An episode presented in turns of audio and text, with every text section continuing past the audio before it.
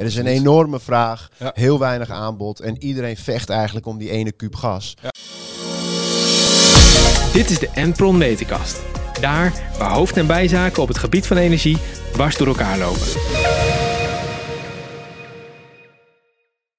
Welkom bij de aflevering 5 van de, de Meterkast. Eh, tegenover mij staat weer Ruud. Eh, nou, Ruud, wat denk jij? Eh, het zal wel over de energietarieven gaan, denk je niet? Ik, ik ben er bang voor, ja. Ja, Dit is, want, we kunnen er niet omheen deze dagen. Nee, want het is natuurlijk wel echt belachelijk wat er is gebeurd. Ja, ja. En ja, dat hebben wij ook nog nooit eerder gezien. Nee, niemand ook. Nee, Nee. nee. in zes jaar tijd is, heb ik het nog nooit zo, zo voorbij zien komen. dus Nee, nee, nee. Dus ik ben heel benieuwd wat er gaat komen. ja, ik ook. Klopt, we gaan het vandaag over energietarieven hebben. Ehm, ik merk vooral in de variabele hoek dat daar best wel wat onrust ontstaat. En dat heeft te maken dat je natuurlijk dan niet je prijs vastzet, maar meegaat met de markt. De stijgende markt kan dat nadelig zijn. Ehm, dat is ook de klantvraag die ik vandaag eh, mee heb genomen. Eh, een klant van ons die geeft aan van eh, ik ben een productiebedrijf. Ehm, mijn kostprijs is afhankelijk van de energietarieven. De energietarieven zijn nu zo hoog geworden dat mijn kostprijs ook mee moet stijgen. Ehm, en dat wil ik eigenlijk eh, ja, niet aandoen bij, bij mijn klanten. Ik heb ook prijsafspraken. Ehm, hoe moet ik dat de komende jaren gaan regelen? Moet ik mijn tarief vastzetten? De prijs is nu vrij hoog.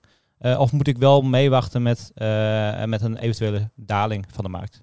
Hoe kijken wij daar tegenaan? Ja, dat is een goede vraag. Op zich was hier wel te verwachten natuurlijk. Dus dat, daar hebben we denk ik best wel een goed antwoord op. Ik denk dat vorig jaar, hè, dat zijn klanten die vaak op de dagmarkt inkopen.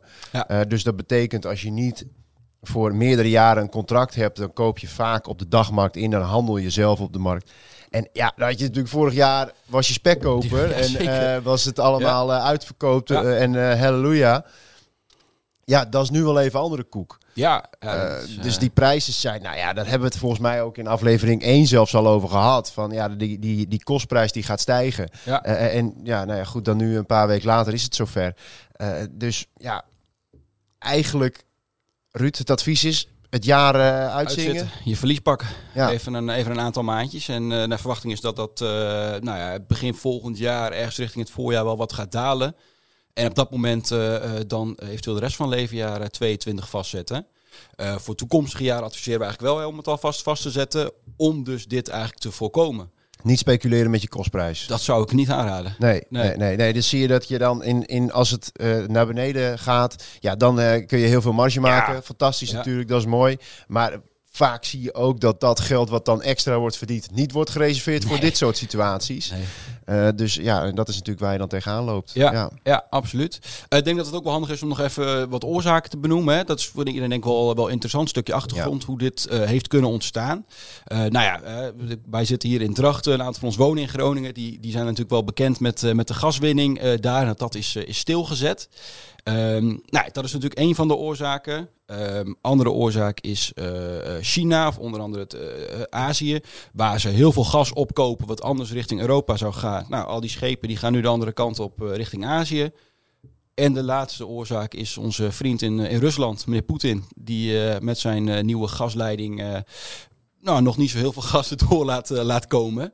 Ehm, ja, daar hebben wij last van hier. Daar hebben wij, Ja, dat klopt. Ik denk daarop aanvullend heb je ook. we, er waren al hele lage voorraden. ja, we hebben natuurlijk echt een koude winter gehad. Waardoor het gas, er is veel gas verbruikt. En die, ja, dat is niet aangevuld. Dus en nu gaat de hele wereld weer open. Eh, er zijn nog nooit zo weinig faillissementen geweest volgens mij. Alle bedrijven staan nog omhoog omdat, eh, omdat eh, er heel Ja. veel steun is geweest vanuit de overheden.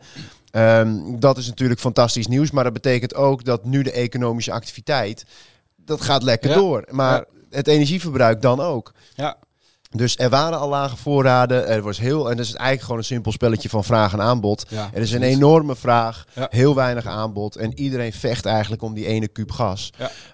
Eh, dus ja, dat is, dat is eigenlijk eh, ook een hele belangrijke. Ja, ja, ja, wij zitten op dit moment een beetje in de verliezende hoek, eigenlijk. eh. Ja, dus daarom is eigenlijk nou ja, voor, voor dit jaar het advies van ja, laat het, laat het even variabel lopen. Als je dat doet, pak je verlies, reserveer wat extra geld alvast voor de komende maanden voor je energiekosten.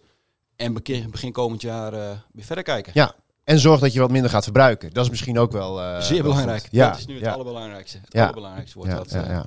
Nou goed, ik eh, hoop dat jullie er wat aan hebben. Ja. Ehm, en eh, dat was het voor deze week. Volgende week eh, gaan we het eh, eh, denk ik ook hebben over eh, de klimaattop in Glasgow die eraan komt. Kijk ik heel even eerlijk aan, klopt dat? Eh, twee weken. Over twee weken terug, gaan ja. we dat doen. Dan gaan we lekker afwachten wat er volgende week komt. Ja. Hartstikke leuk en eh, tot de volgende keer. Dit is de Enpron Metenkast. Daar waar hoofd- en bijzaken op het gebied van energie dwars door elkaar lopen.